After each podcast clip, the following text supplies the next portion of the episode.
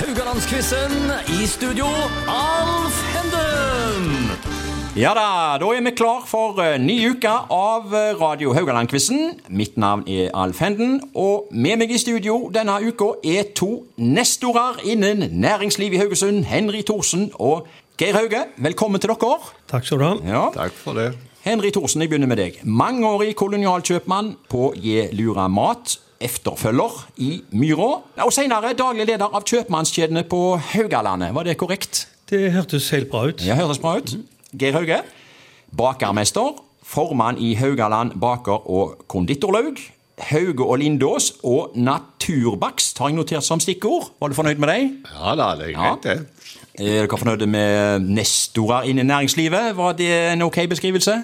Eh, Det er vel det som er neste år. Gamle gubber. Gamle gubber, men ikke, men ikke gretne? Nei, nei, nei, nei, nei, nei. det skal ingen ha på oss. nei. nei. Jeg vil si litt om quizens konsept her og regler først til lytterne. Eh, Det er altså en duell mellom to deltakere som skal konkurrere mot hverandre hver dag, dvs. Si fem ganger i uka. Vi har nytt eh, tema hver dag med fire spørsmål, og begge deltakerne vil bli stilt to spørsmål. Svarer deltakeren rett, gir det ett poeng. Er svaret feil, går poenget over til motstanderen. Og mot slutten av uka så kårer vi en sammenlagt vinner. Vi har en dagvinner òg, da. En liten sånn trøste... Ja. Da er det bare å gå i gang. Dere er klar? Ja. eh, både kolonialkjøpmannen og bakermesteren eh, sitter her veldig klar nå. Ja, er- Eh, og tema én dreier seg om akkurat det. Kolonial- og bakeribransjen. Ja, Vi åpner altså opp med spørsmål da fra deres egen bransje. Og eh, til Henry. Du drev kolonialbutikken Je Lura Mat efterfølger i Myra i ei årrekke. Hvilken tid starta du? Jeg starta i 1. januar 71. Nei, unnskyld, 67. 2060? Ja. Og kjøpen på den tida var jo eh, på en måte sosialarbeider eh, overfor kundene. Har du noen spesielle minner fra den sida av jobben? Om vi var. Hver Jaha. dag, hver dag. Ja, har du- Ja, minner. Det er masse minner, men du vil ha noe morsomt? Ja, ja, ja. ja. Helst det. Nei, jeg husker jo godt det kom masse varer til ei frøken en gang her, og banket på døra. og Hun kom inn, eller hun kom ikke inn, hun ropte bare 'lukk opp døra, Thorsen'. Du må komme inn. Jeg får ikke BH-en på meg. Du må hjelpe meg. Ja. Ja, det hjalp meg med om det var en fornøyelse. Det, det vil jeg ikke uttale meg om. Men det var, jo, det er masse, masse eksempler på Ja. ja, og Geir, du kom eh, tidlig inn i bakerbransjen. Når begynte du, og hvor? Ja, jeg begynte i lære i 61, og da gikk jeg i lære hos, eh, i Bergen, faktisk talt. ok. Så kom tilbake til Haugesund i 63. Ja. Ja. Da var du i gang, og eh, baker det tidlig opp om morgenen. Ja da, vi, vi begynte alltid tidlig, og jeg husker sånne store høytider, så begynte med eh, julaften eksempel, så begynte vi kvelden før. Så det var hårde tider. Ja. ja, jeg har eh, noen spørsmål til dere her eh, om disse her temaene. her. Jeg begynner med deg, Henry. Spørsmål én, altså. Hvilken bedrift innen baker konditor i Haugesund starta først av A. Ottos konditori, B. Hauge og Lindås eller C. B. Hansen? Hvem starta først? Jeg tipper på B. Hansen. Og det tippa du altså helt rett i. Uh, B. Hansen, ja. B-en står forresten for Berdinius, og han uh, starta opp allerede i 1904. I mellomkrigsårene så ble sønnen Erling tatt inn som kompanjong, og bedriftens navn endra til B. Hansen og Sønn. Ja, og Haug og Lindås ble etablert i 1924, og Dos konditori eh, på 1930-tallet. Ja, Det er tre legendariske bakerier, dette her. Det er det. Ja, ja. Og Geir, du eh, visste selvfølgelig svaret her. Ja da. Ja, men, men det gir deg ikke poeng, altså. Det er Henry som har gått opp i en 1-0-ledelse her. Får se hvor lenge den varer. Om det blir 2-0 eller 1-1. Neste spørsmål går til deg, Geir.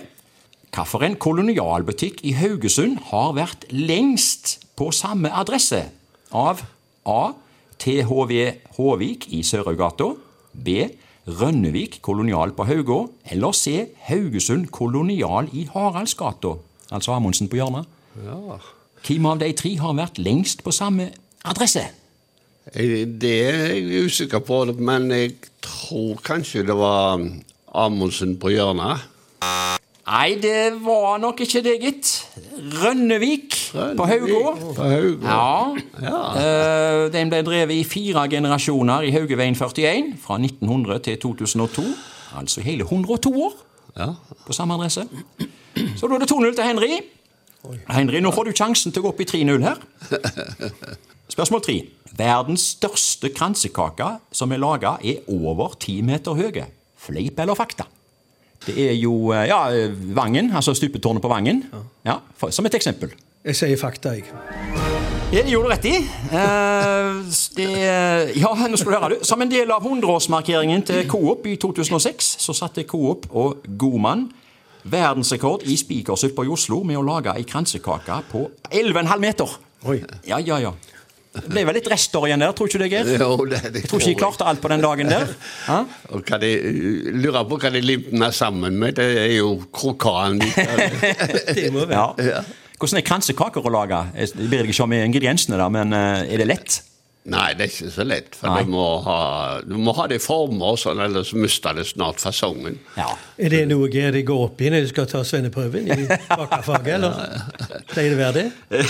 Du har jo vært sensor disse skoppene. Ja, nei, det er jo for konditorene som lager kransekaker. Ja, ja, ja. ja. Eh, fire, det går til deg, det, Geir. I 1959 solgte Per Frank i Djupaskar mer øl enn melk. Er det fleip eller fakta? Jeg vil gjerne si litt om hvorfor jeg tok ut akkurat årstallet 1959. Eh, Det skyldes at ølsalg over disk i Haugesund det kom først året etter, i 1960. Så spørsmålet er altså solgte Per Frank mer øl enn melk i 1959?